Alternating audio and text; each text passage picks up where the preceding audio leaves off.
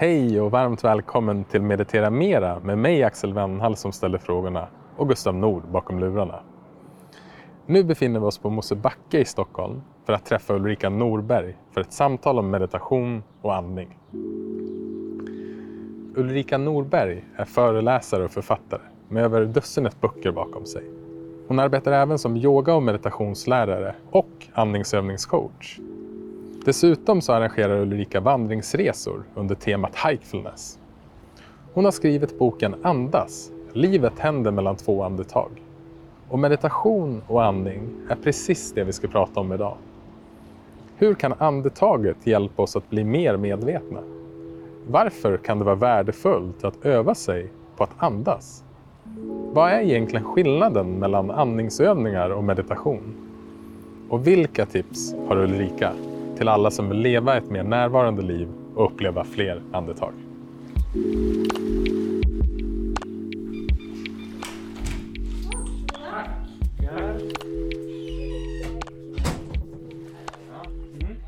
Allt möjligt. Manusförfattare, producenter, textilproducenter, reklamare och allt möjligt.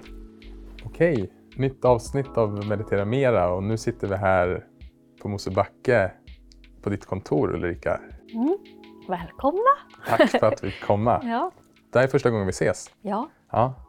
Och innan vi satte på mickarna har vi hunnit suttit och pratat lite grann och kommit fram till att vi delar många av intressen. Och du berättade också att du har arbetat en tid i Västerås, min hemstad. Mhm. Vi ska ju prata om meditation och andning idag. Mm. Så jag tänkte bara bjuda in dig och de som lyssnar till en kort landningsmeditation. Fantastiskt. Mm. Vi sitter här i varsin fåtölj, bekvämt, skönt.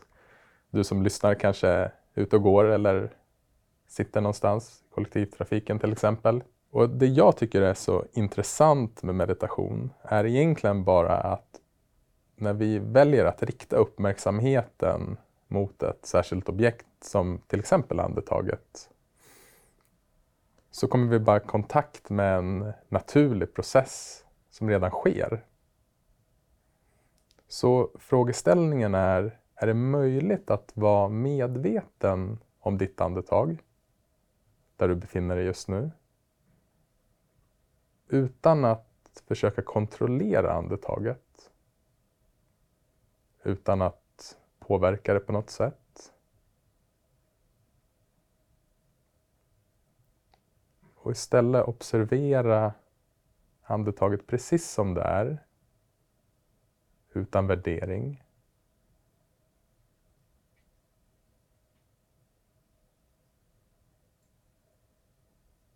Bara vara medveten om när du andas in.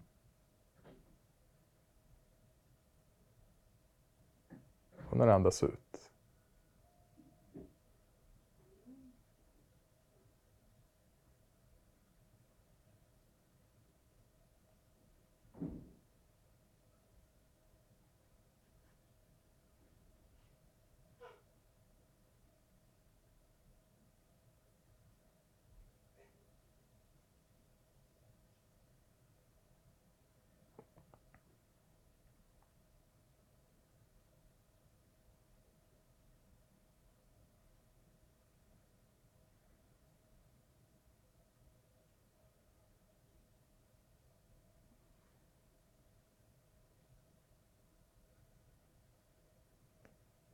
Och bara genom att flytta uppmärksamheten till andetaget, känna, uppleva, observera, så har vi en dörr in i nuet.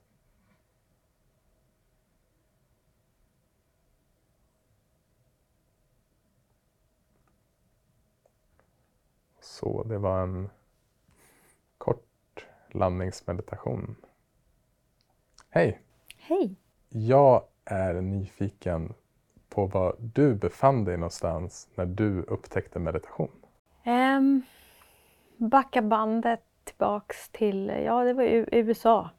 Eh, eller rättare sagt första gången var faktiskt i Fiskeboda.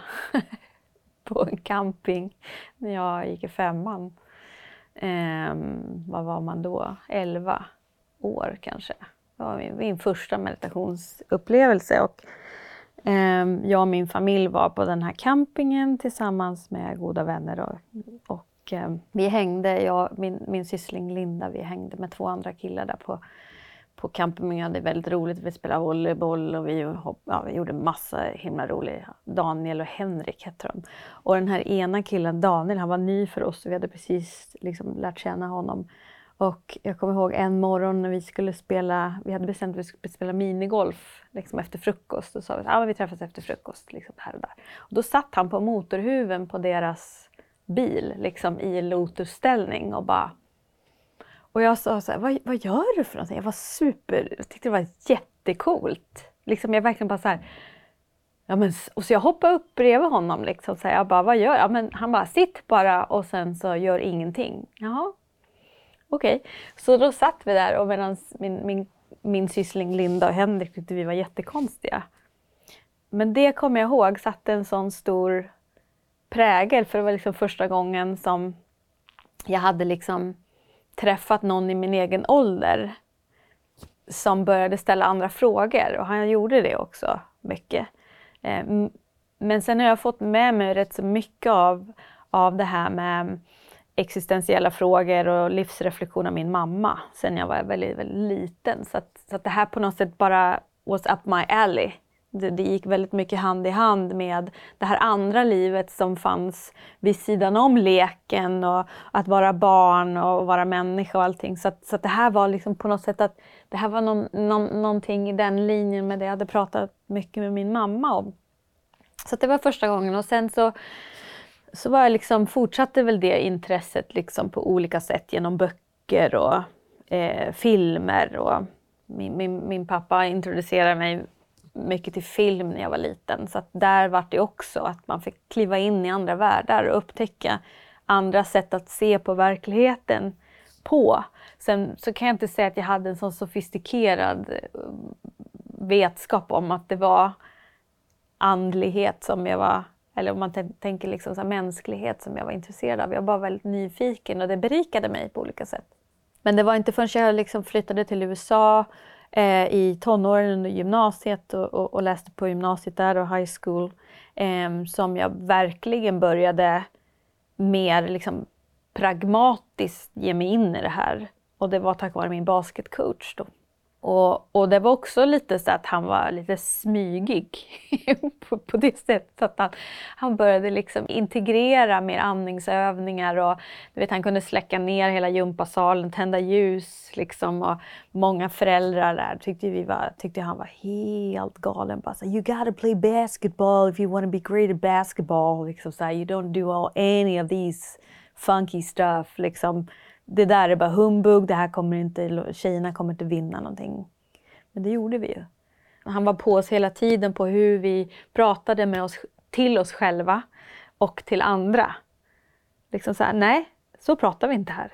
Det kommer inte att göra. Det här, hur ni pratar, hur ni andas, hur ni rör er, hur ni liksom på något sätt ser visionen, det kommer att vinna matcher.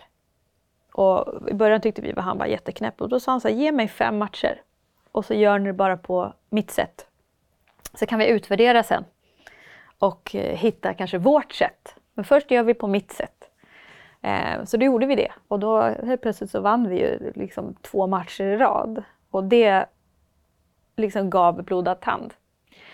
Sen många år senare så bodde jag i New York och eh, hade redan liksom ett intresse av det här men, men var fortfarande liksom i, i, ett, i ett stadie i mitt liv där jag inte riktigt, jag vågade inte lita på mig själv och mina förmågor. Och, och var lite tilltufsad av livet så. Och sen så en av mina bästa kompisar bara, men ska du inte hänga med till min liksom, senmästare här liksom? Ja, sure, liksom. För att jag hade liksom lovat mig själv att om någon erbjöd mig att följa med så skulle jag säga ja.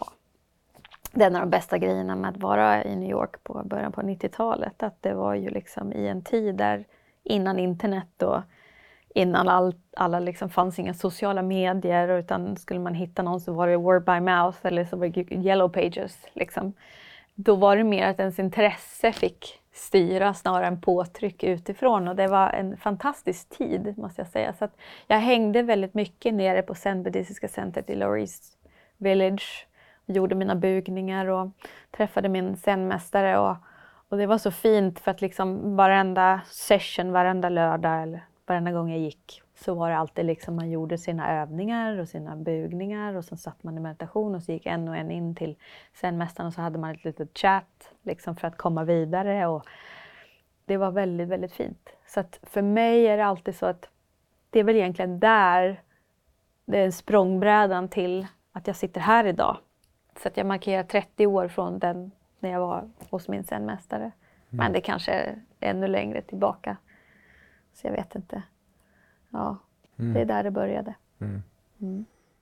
Jag tänker att många som eh, börjar meditera, de får en instruktion att de ska, precis som vi gjorde på landningsmeditationen, att man ska rikta mm. sin uppmärksamhet mot sitt andetag. Mm.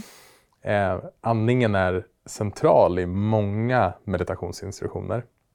Jag tänkte, du och jag, vi kanske bara skulle kunna nysta upp lite grann och definiera vad skillnaden är och hur du ser på skillnaden mellan vad som då skulle kanske kunna ses som mera meditation och vad som är andningsövningar och även ett begrepp som jag vet används mycket inom yogan och som du också skriver om i din bok är ju pranayama. Skulle du vilja ge dina definitioner av vad som skiljer dem och vad som är lika? Så att eh, den som lyssnar också kan vara med mera på de olika begreppen. Ja, det är ett rätt stort ämne för att det beror lite grann på vad man väljer att titta utifrån för lins. Alltså tittar vi mer utifrån hjärna, nervsystem, alltså lite mer biologiskt, fysiologiskt perspektiv så kommer vi ju väldigt tydligt utröna vad som är vad.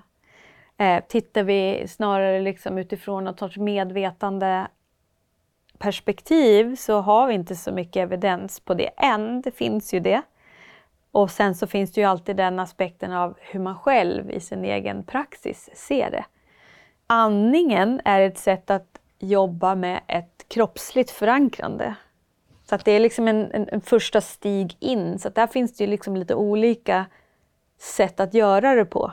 Man ser ju till exempel att, att det finns en större vinst i att först landa i kroppen. Att göra någon rörelse gör ju att du får ner stresshormon, syret börjar röra sig bättre, prana, och livskraft börjar röra sig, du får en bättre cirkulation. Vilket också gör att, att dimensioner i hjärnan börjar kopplas på.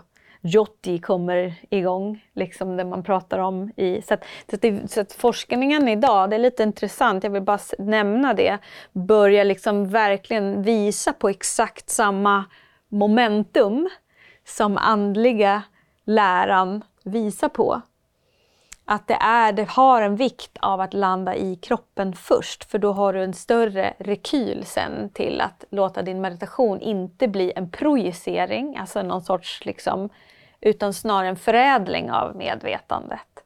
Så att kroppen har, är liksom, det är där du bor och det är där du kan koppla ihop de här sakerna. Och ett sätt att använda andningen är ju att börja förnimma kroppen som ett som ett vessel, liksom som, som det är där, där, där meditationen tar fart.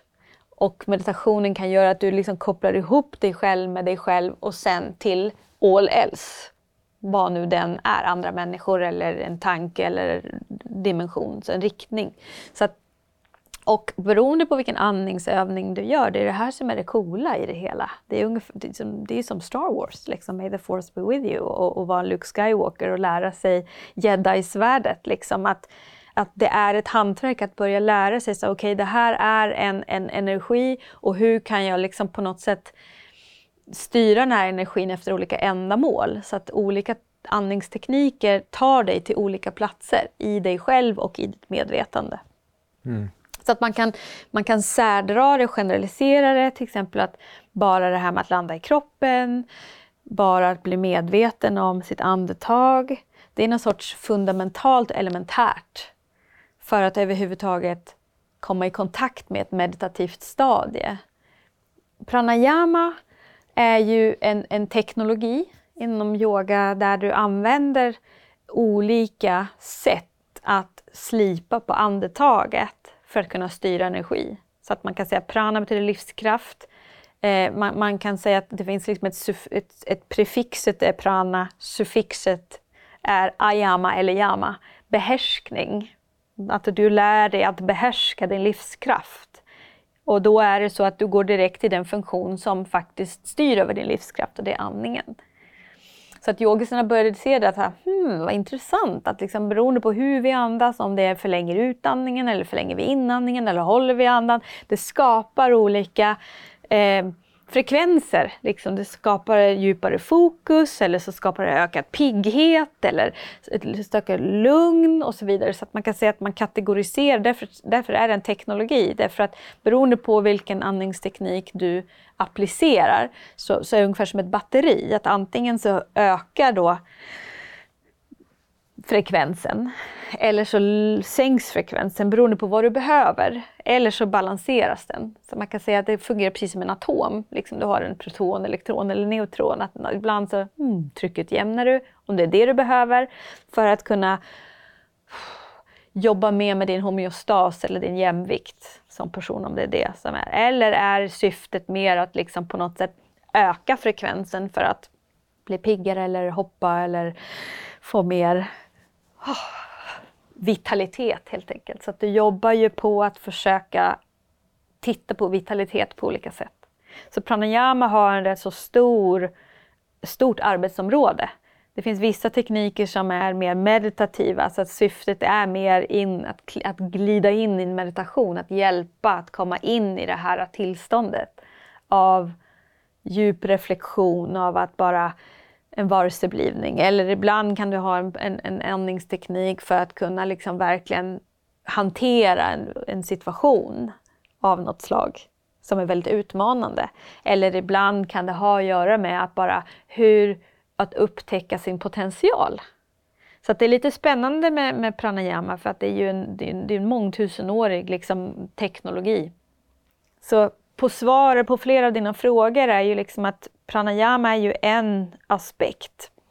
Idag har det ju också blivit så att vi har många andra andningstekniker inom breathwork, så holotropisk andning till exempel, och som kommer ifrån andra traditioner. Det är ju en väldigt begränsad andning och, och, och buteiko till exempel också kommer ifrån liksom mer medicinska sammanhang så att olika andningstekniker kan ju kanske jobba med att exponera oss för olika kraftcentrum.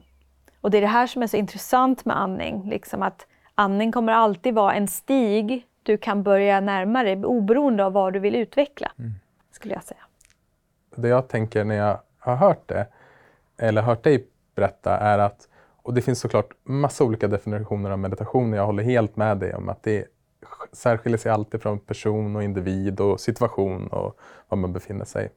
Men ett sätt som kan hjälpa mig i alla fall att se på det, bara för att få ett litet överblick, är att om vi ser till exempel den meditationen som vi gjorde i början. Mm. Den handlade ju om att inte påverka andetaget. Alltså se om det är möjligt att till och med släppa hela den. Och det är ganska svårt, för när man riktar sin uppmärksamhet mot sitt andetag så mm. finns det oftast liksom en tendens att vi vill försöka andas på ett visst sätt. Så det finns en, någon form av mera, vi kan kalla det en ren observation, ett bevittnande, eh, ett betraktande, alltså att bara få uppleva hur mm. den här naturliga processen pågår in, inom oss. Mm. Utan att värdera den, utan att försöka kladda den, utan att ha en berättelse om att, att jag gör fel eller jag gör rätt, utan bara det här öppna, tillåtande, vänliga tillståndet. Mm.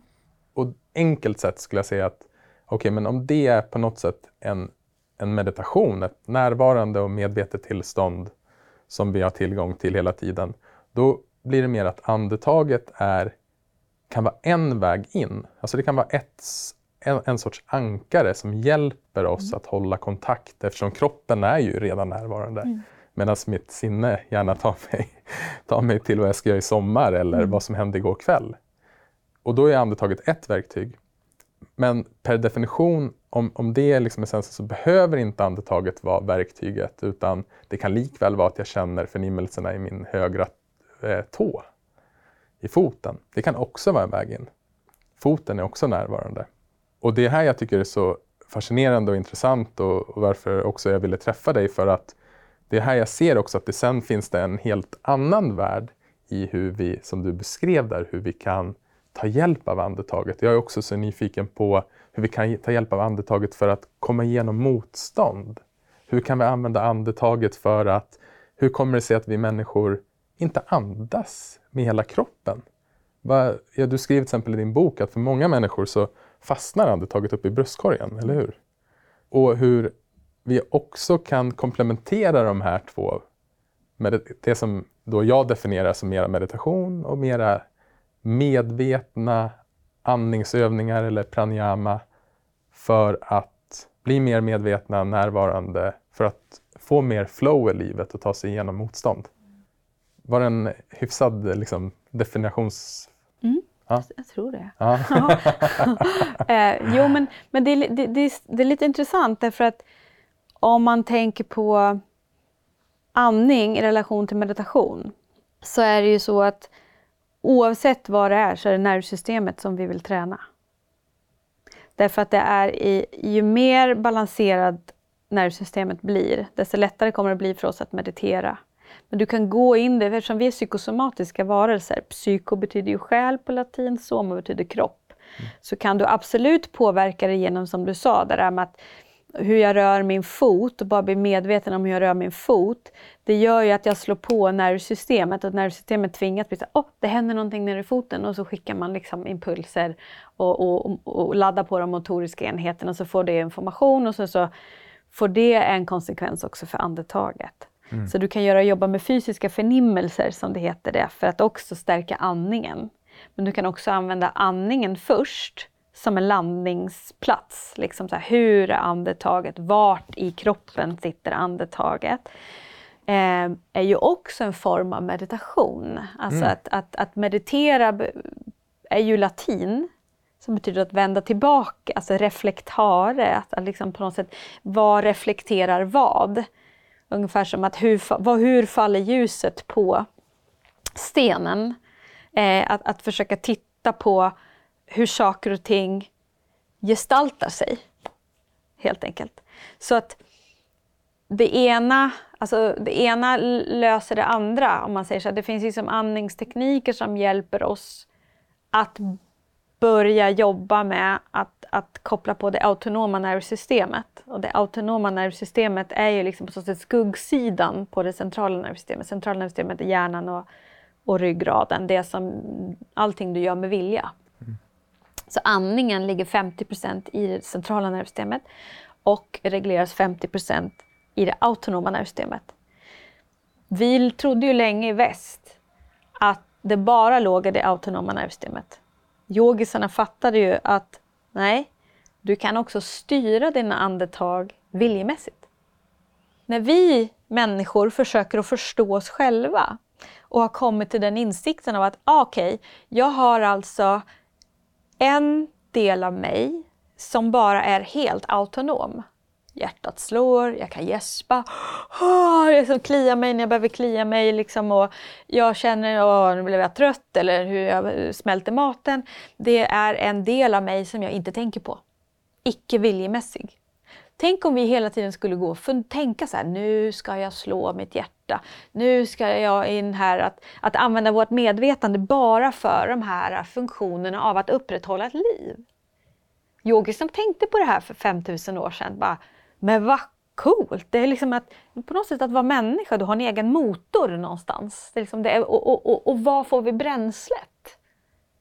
Det är intressant. Vad, vad, är de här två hålen i näsan? Och så vidare. Att det blev ett upptäckande av att hur, hur får vi ihop det här med den yttre och den inre världen?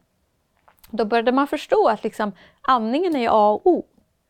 Det är, det, det är den här andningen som gör livet. Så att prana flyter på, på andetaget. Okej, okay, hur kan vi uppskatta den här dynamiken mera? meditation kom till. Liksom att bara stanna upp en stund och skapa ett utrymme, ett forum för, för de här två aspekterna att komma samman. Så jag ville bara, för jag anser att det här är spacigt. och, och lite coolt. Liksom. Att börja hö höja ribban ibland. För att man, för mig blir det i alla fall så att man får lite större så här, aktning och respekt för vad det är för typ av grej jag går och bor i kroppen. Den är ju svincool. Mm. Alltså, det är ju häftigt att få vara människa. Redan där blir det liksom en lycksalig meditation bara av att wow, balt! Liksom, som kan vara en motvikt kring alla de här andra negativa tankarna att jag borde vara mer, jag skulle, jag måste och så vidare. Som snarare har motsatt effekt på vårt medvetande som gör att vi bara förhärligar det, det, det liksom, och tröttar ut det centrala nervsystemet. Så att en stor del av att, att det finns värde av att börjat precis som du sa, där att landa med en meditation, landa i kropp, var har jag andetaget? Bara där gör vi en tjänst. Och redan där boostar vi våra celler och, och sådana saker. Och sen så fattade ju också yogisen att, att, att beroende på vart du är så kan du ju också använda andningen på olika sätt. Till exempel man brukar säga så här, let's use the mind and, and then lose the mind. Och ett sätt för att koppla på sinnena, för sinnena faller under nervsystemet också. Så beroende på hur du retar nervsystemet så kan man direkt se vilka typer av tankar du har. Att tankar är oftast en effekt av programmeringen i nervsystemet. Så kan du ändra programmeringen i nervsystemet, då kan du ändra dina tankar. Det finns det evidens på idag och det har yogisarna pratat om i 5000 år. Men sen så finns det också en vinst av att när du väl är inne i kroppen och du är inne i meditation, släpp andetaget. Och bara lita och surfa på den här autonoma funktionen. Vad händer där? Så att det är otroligt spännande. Jag skulle säga att meditation är ett äventyr lika mycket som det är en upptäcktsresa, som ett utforskande. Eh, och också få syn på eh, var man låser fast sin energi. Så det är därför som många surfare och inom surfkulturen oftast använder sig av andningsövningar och eh, ligger väldigt nära med, med yoga. Liksom att det går mycket hand i hand för det, för det är liksom lite samma utforskande. Att eh, leva, att, att börja, börja öppna och glänta på dörren av att leva ett liv i upp, uppleva livet. Att, vad, vad, handlar, vad handlar mitt liv om ibland? Ja, ibland är det bara att överleva. Ibland kan det också vara uppleva. Ibland kan det vara att, att leva. Att det finns flera olika eh, vägar i, inom, inom sig själv. Liksom att, att, så, att, så, att, så att andningen har en adekvat del att ta sig till ett meditativt tillstånd. Mm. Men sen när du väl är där så kan också, man kan vända på det. Att, att liksom så här, bara låta andning vara andning. Vad, vad händer om jag bara liksom låter andningen få vara en... Som i Vipassana till exempel, när du bara liksom så här, kan, kan, kan, andningen vara som en filmkamera. Liksom, genom, vad händer om jag liksom följer andningen genom kroppen? Istället för, och använder den inifrån och ut istället för utifrån och in. Så att det är ju... Det här är ju bara tecken på hur balt medvetandet är och hur, hur jag liksom på något sätt, hur vass vill jag vara i min farkost? Och hur, hur, hur stark kan jag vara? Så att det här med att vara liksom sensoriskt stark, det gör ju att du plockar upp information från omvärlden mycket, mycket fortare och kan omvandla det till något, vad behöver jag göra nu? Mm. Det är coolt. Mm. Det är väldigt speciellt.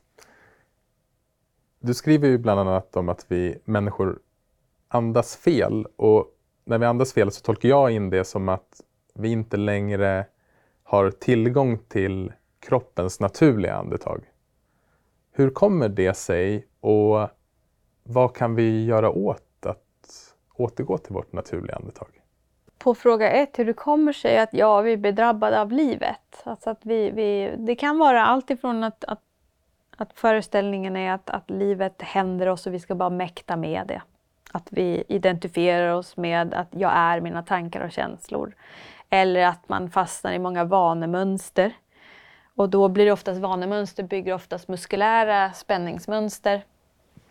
Och eftersom andningen är mekanisk som regleras av muskler eh, och organ, alltså samspelet mellan liksom nerver, muskler och organ, så, så kan det ibland bli så att, att hela bröstkorgen blir för spänd. Och får vi upp andetaget för högt uppe i bröstkorgen, då ser man ju att det skapar ångest. Så att en definition, eller det behöver inte, det kan skapa andra saker, men, men en definition på ångest är syrestrypning. Alltså att du, du stryper syrets väg upp till huvudet. Så att, att du får de här korta andetagen, det, det, har ju också att göra med att du får in för mycket syre och du får inte ut tillräckligt med koldioxid. Så att om du då kan implementera en andningsteknik som gör att du vänder på steken och forcerar ut utandningen. Eller att, som, som vi har förstått, att ta en brun papperspåse och så andas du in och ut i den här papperspåsen till exempel, så ökar du koldioxid. För när du ökar koldioxid, då lugnas kroppen, då lugnas sinnet. Så att när du sen tar bort påsen så stimuleras syre. Så att på första frågan handlar det rätt så mycket om hur kan jag få en bättre syre och gasbalans i kroppen? För när jag får det så blir det att axlarna åker ner. För att komma dit så behöver man ibland släppa på spänningarna i andningsmuskulaturen. Och det kan ibland räcka med att ta promenader, simma, liksom röra sig på olika sätt som gör att man oh, får den där ah, andningen att liksom balansera sig. Så att du kan göra det med fysisk rörelse. Du kan göra det med att bara ändra på sättet som du andas på. Du kan göra det med ex externa saker som att andas i en brun påse till exempel. Därför att vi har allting att tjäna på ett mer balanserat andetag och en inte så spänd bröstkorg. Så till exempel att du har ju eh, många människor som upplever att de har liksom en motsatt andning. Till exempel att en funktionell och hälsosam andningsmönster är ju att när du andas in att bröstkorgen vidgas. Sen finns det de som har andningsmönster där det händer tvärtom. Att när du andas ut så vidgas det istället. Och det blir fel för att... Och då skapar man mer inflammationer i kroppen, ser forskningen. Du får mycket mer inflammatoriska alltså, gensvar. Och det är ju rent motsträvet till hälsa. Mm. Idag när vi tittar liksom på sjukdomar, hur du klarar av liksom en virussjukdom eller inf inf infektion i kroppen är direkt i samstämmighet med din andningskapacitet och hur du andas.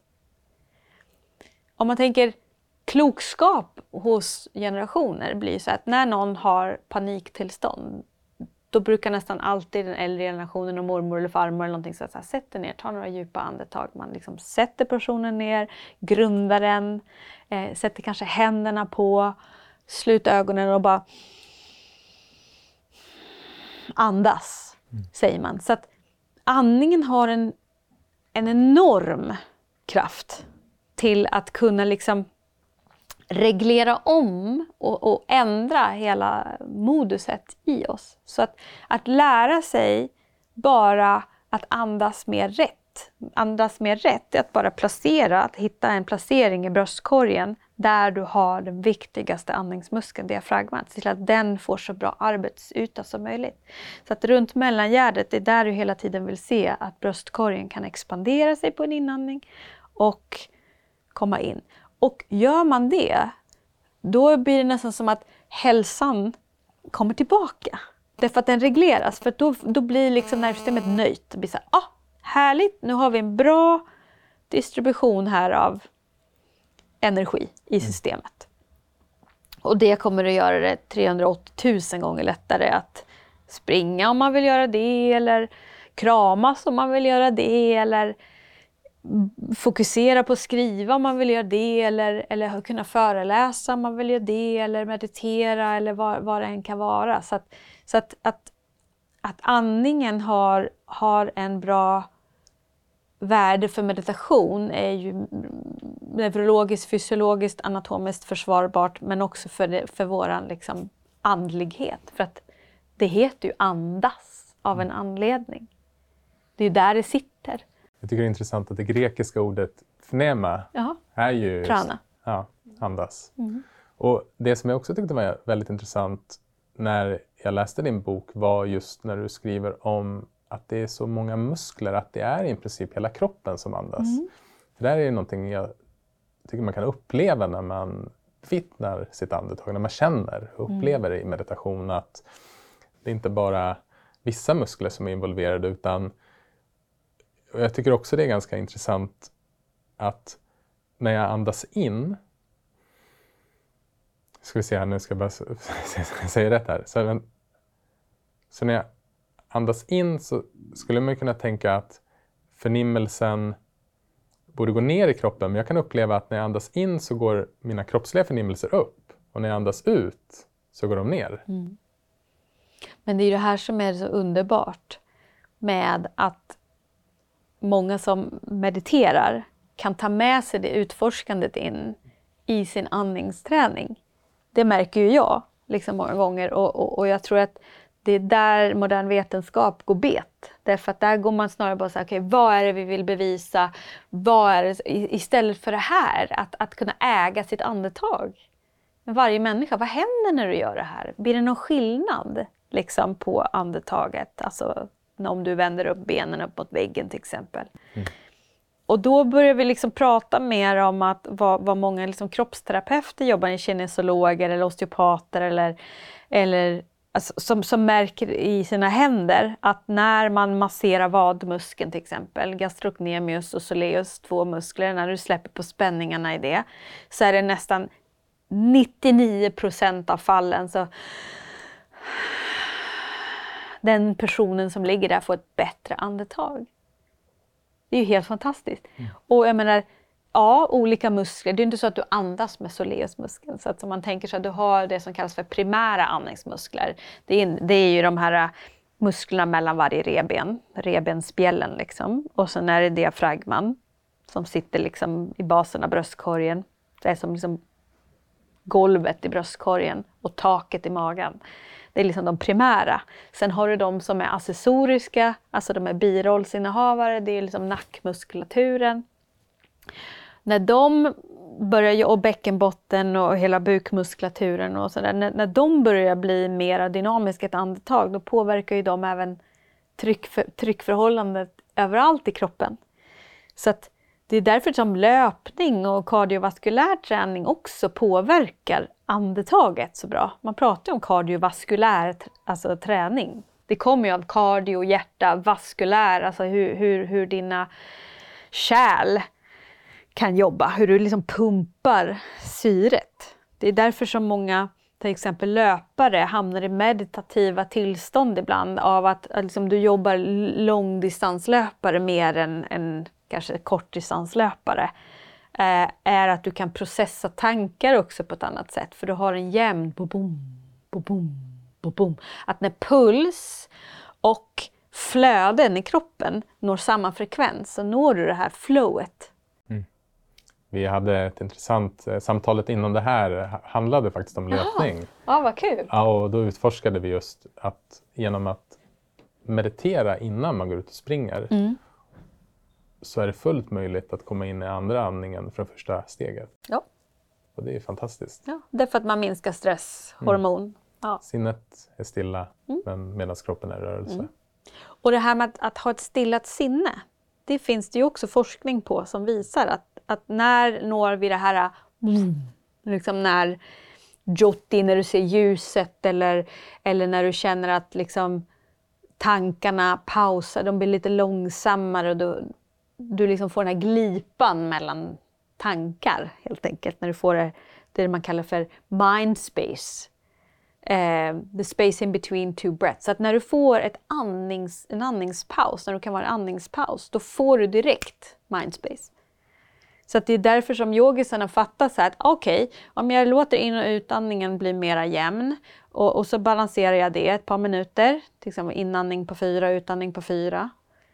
Bara låter det tills det liksom, okej, då är jag inne i det fokuset. Och sen så andas jag in på fyra, håller andan på fyra, andas ut på fyra, håller andan på fyra. Så att jag ökar det här spacet. Då över några minuter så är du i meditation. Så att du kan också liksom bara att öka utrymmet mellan andetaget gör att du sänker stresshormon, du ökar endorfiner, oxytocin i hjärnan och det skapar ditt mindspace. Sen kan du göra det via ljud. Du kan ju göra det genom vissa typer av om, om till exempel. Det är också ett sätt att hamna på samma plats. Fysiska förnimmelser. Så att beroende metod kan ju också göra att du hamnar på samma plats. Så det beror lite grann på alla vägar bär till Rom, mm. helt enkelt. Och jag tycker det är spännande det här med att man inom olika traditioner har kommit till samma slutsatser fast genom olika tekniker.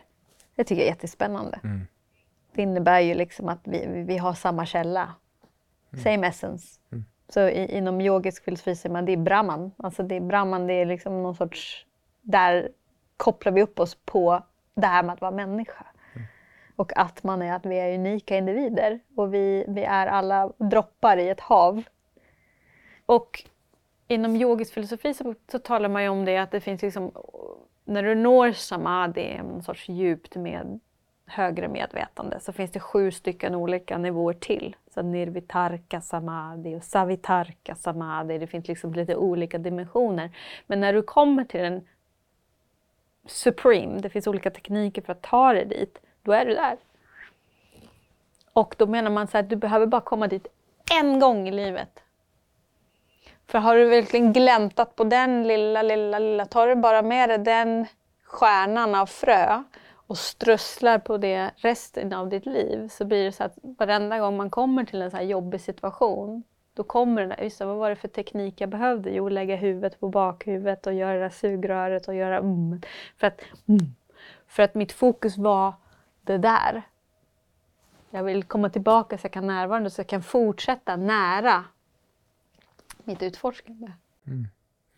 För ibland när jag hör till exempel den yogiska beskrivningen så låter det för mig med de här sju stegen, det låter långt borta. Men min upplevelse är att det här är det mest naturliga som finns för oss människor. Vad, vad är din tanke kring, kring det? Nej, jag tror det är snarare tvärtom för mig faktiskt, att det inte är långt borta.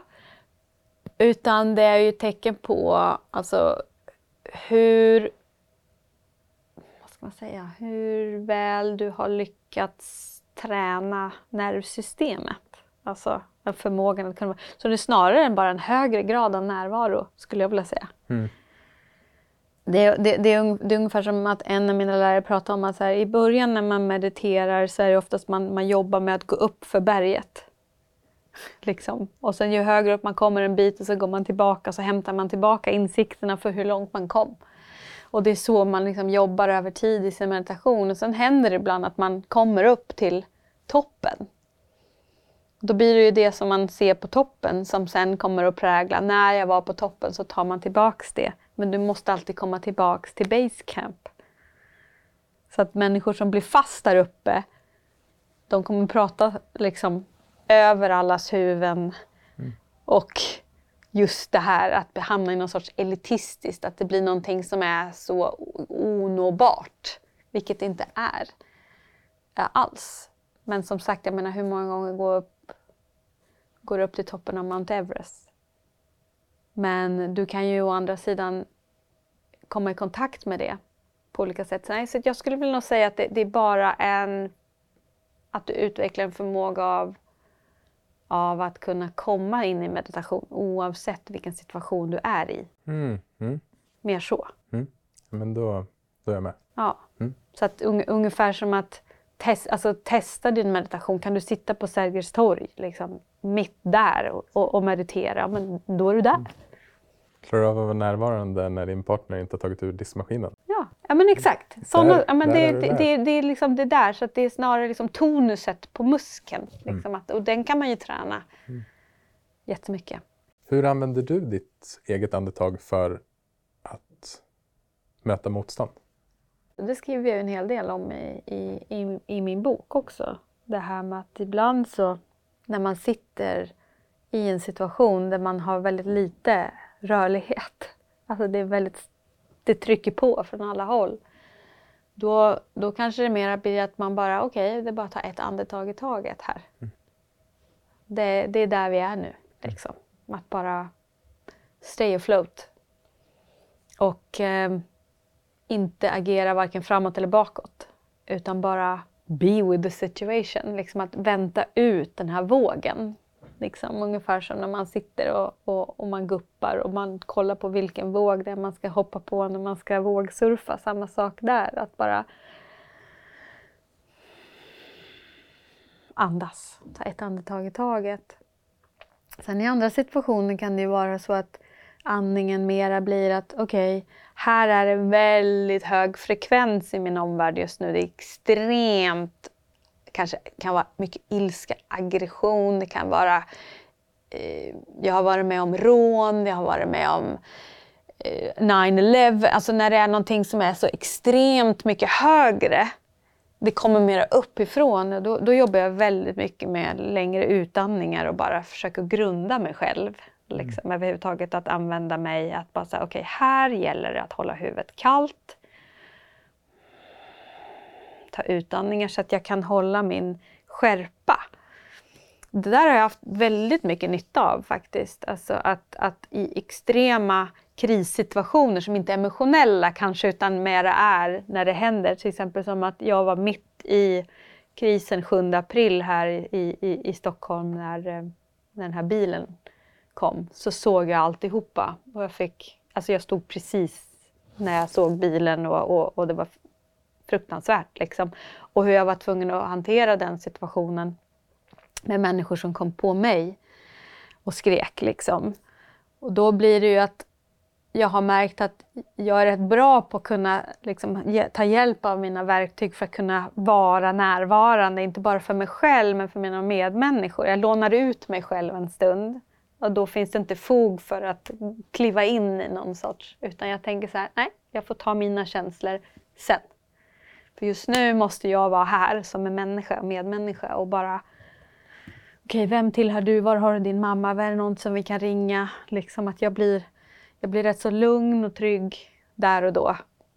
Så på det sättet. Och sen ibland också att när jag är glad och lycklig och när livet går med mig att liksom träna mig också på, jag är rätt så dålig och har varit det i mitt liv, på att eh, njuta av saker och ting om det går bra eller någonting sånt där utan tänka så ja ah, men okej, okay, nu har vi gjort check och så går vi vidare på nästa utan liksom bara fortsätta. Utan lära mig också att stanna upp ibland och göra som en liten ritual av det. Och där blir det så att okej, okay, nu stannar jag här och tar några andetag och bara lär mig att lukta på blommorna och, och, och stop and smell the roses brukar man säga ibland. Att, att, att det är en fan, lika mycket en träningssak som det andra skulle jag vilja säga. Det är underbart att njuta av sitt andetag. Ja, exakt. Liksom att jag hade en av mina lärare som sa try to make love with your breath. Jag tycker det är så fint. Mm. Mm. Att, eller att liksom låta bara andetaget få skapa utrymmet av att kunna stanna upp och få... Mm. Så, att, så att absolut. Och ibland använder jag även andningen för att liksom... Ibland använder jag även kroppen för att kunna ladda av. När jag märker att okay, här är andetaget begränsat men då gör jag rörelser eller, eller så. Mm. Eh, jag upptäckte när jag blev mamma för första gången för 16 år sedan, 16 och ett halvt år sedan, liksom när Olivia, min dotter, kom, att, att att jag faktiskt fick liv i min nyfikenhet igen. För jag har alltid fått höra så här, gud vad du är nyfiken, måste du vara så jävla nyfiken, måste du liksom hålla på och undra och tänka och gud vad du håller på. Och, du är ju tjej, glöm inte bort det. Allt från det till Jaha, vad innebär det? Då ska jag veta min plats eller var, var kom det ifrån? Eller gud vad du säger, du är så, bla, bla, bla, bla. Så att jag hämmade mig själv rätt så mycket. Men när hon kom så blev, hände det någonting annat. Bara, gud vad det liksom, jag undrar om hon, jag också ska krypa. Liksom, vad händer då? Och bara, wow! Så att jag började liksom titta på det här med min nyfikenhet på ett helt annat sätt. Liksom, kan, kan jag istället göra det till min främsta gren? Kan jag träna den? Eh, och, och, där började en rätt så spännande resa faktiskt, liksom att, som, som jag faktiskt applicerade också på, min, på mitt sätt att meditera, på mitt sätt att yoga, på mitt sätt att liksom, skriva, träna, äta, liksom, att börja liksom, utveckla mig själv. Eh, att, att utmana det jag hade lärt mig och se det på nya sätt. Inte alltid bara att lära mig massa nytt utan processa och, och, och, och, och jobba med det här på ett annat sätt. Och det också blir så här, men det är ju det här som är dynamiskt sätt att leva på.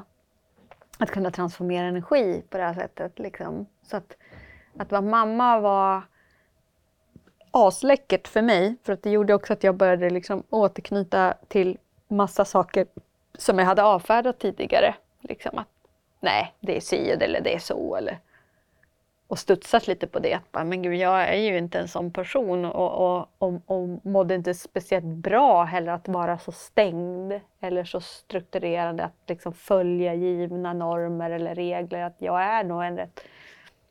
Ja, där, ibland... Jag vill utforska saker. Mm. tycker det är spännande att lära mig grejer. Träffa nya människor och bli så här, hur ser du på det här? Bara, wow! Okej, så vi har det här inslaget också i podden där vi kallar det fem snabba. Ja. Så det första som kommer upp, bara mm. spontant, är vilken eller vilka personer, de kan vara levande eller döda, skulle du vilja ha en middag med? Oh, vad roligt, det pratade jag med mina barn om häromdagen. Ja, Picasso, en, absolut. Det skulle varit roligt att få träffa Marie Curie eh, om hon hade levt. Eh, Nikola Tesla skulle jag också vilja hänga lite med och eh, nu levande Murakami, författare och Terrence Malick som är regissör. Det är de nu. Det finns en massa andra men det är de som kommer till mig nu. Nice. Mm. När var du ledsen senast? Ja, häromdagen mm. var jag det jag är lite ledsen inte här och då. Mm. Alltså, det är en del av att vara människa. Så att, eh, ja, typ dagligen för någonting. Men, men jag är också glad för någonting varje dag. Men jag är ledsen för någonting varje dag. Absolut. I stort sett. Vilken bok eller dokumentär skulle du vilja tipsa lyssnarna om? Oj, det finns ju så många urval en, en, en liksom litet boktips. Jag faktiskt pratade med någon person häromdagen som inte hade läst Tisdagarna med Morris av Mitch Albom. Så om man vill läsa någon liksom liten bok som, som är härlig med ett samtal mellan två människor om livets liksom både utmaningar och härligheter så är det, det, där lyckades han göra en homerun ska jag säga. Har ni läst den? Nej, spännande. Nej, och den är så härlig för den går så fort att läsa. Det är liksom en liten bok. Så att, eh, det, det, krävs så litet eh, energi att läsa den. Och man får så mycket tillbaks. Perfekt. När vi spelar in där i maj så att det ja. låter som en eh, perfekt sommarbok att läsa. Mm. Vad är du tacksam för just nu?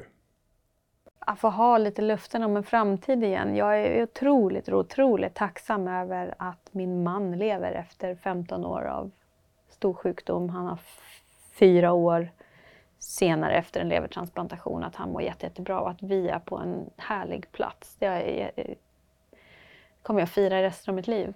Wow. Att få ha, ha gått igenom hela den balletten och eh, klivit ut på en ballare plats. Mm. Sista frågan. Mm. Vilket är det bästa rådet du har fått? Grab life by the balls. Och med de orden så, så lämnar jag över micken till dig.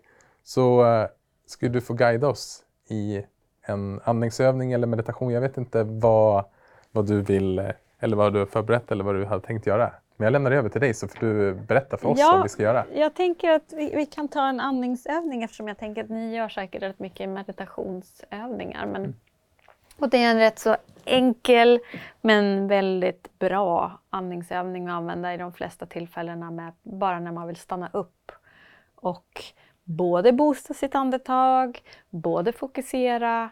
Det kan vara som en ingång till en meditation eller vad som helst. Men att ni kan sitta upp, eh, raka, lite mer sträckta upp i ryggen och lägga händerna på låren med handflatorna uppvända och tänker på att eh, stänga händerna. Alltså vända in fingrarna mot mitten av handen och sen veckla ut fingrarna. Och så gör det här rätt så långsamt. Och tänk att händernas rörelse kommer nu att styra rytmen på andetaget. Så om du sluter ögonen och andas ut med händerna knutna. Och så i takt med inandningen veckla ut händerna, fingrarna lite grann. Och långsamt fyller bröstkorgen tills du säger stopp. Håller andan. Och när utandningen påbörjas viker in fingrarna. Så testa det några gånger. Försök att synkronisera just rörelsen i händerna med rörelsen av andetaget.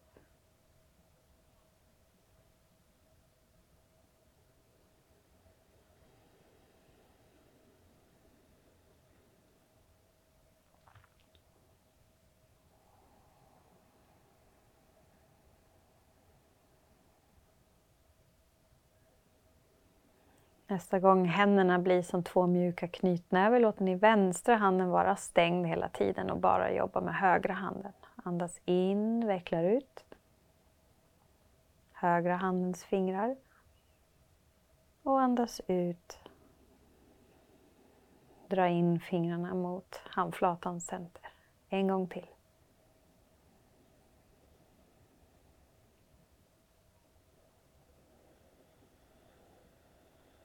Låt sen högra handen vara stängd och gör samma sak med vänstra handen. Inandning, vecklar ut vänstra handens fingrar till en öppen handflata. Och när utandningen kommer, veckla in fingrarna.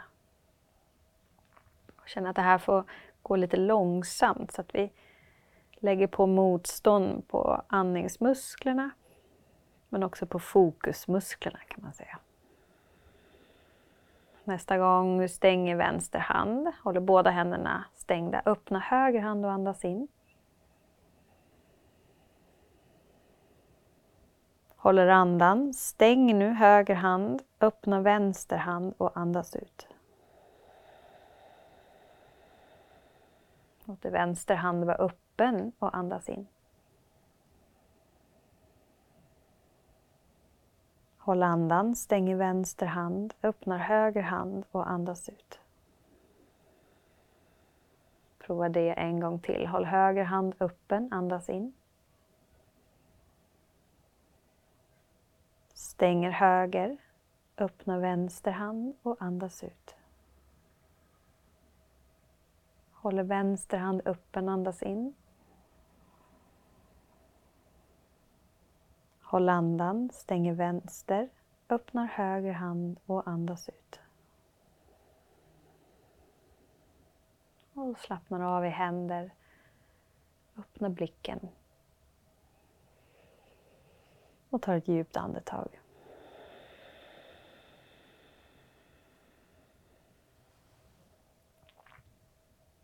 Bara reflektera över var du landade nu i energin.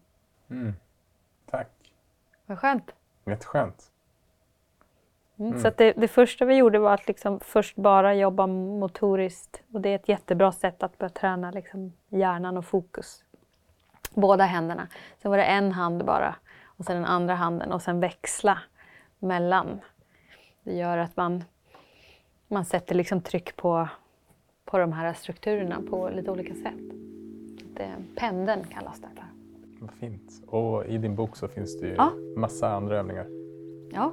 Så att eh, kan man utforska också. Ja, och den finns ju som ljudbok också så där jag guidar de här övningarna. Så att för den som inte gillar att läsa böcker så kan man ju lyssna på ljudboken också. Fint. Mm. Tack för att du fick komma. Tack. Tack. Tack för att du har lyssnat på det här avsnittet av Meditera Mera med Ulrika Norberg. Vi hoppas att du har blivit inspirerad av vårt samtal och av Ulrikas andningsövning. Om du vill komma i kontakt med Ulrika så hittar du hennes kontaktuppgifter på vår hemsida mindfully.nu. Och är det något vi har tagit med oss från vårt samtal med Ulrika är det påminnelsen att stanna upp och ta ett par djupa andetag. Ta hand om dig, så hörs vi snart igen.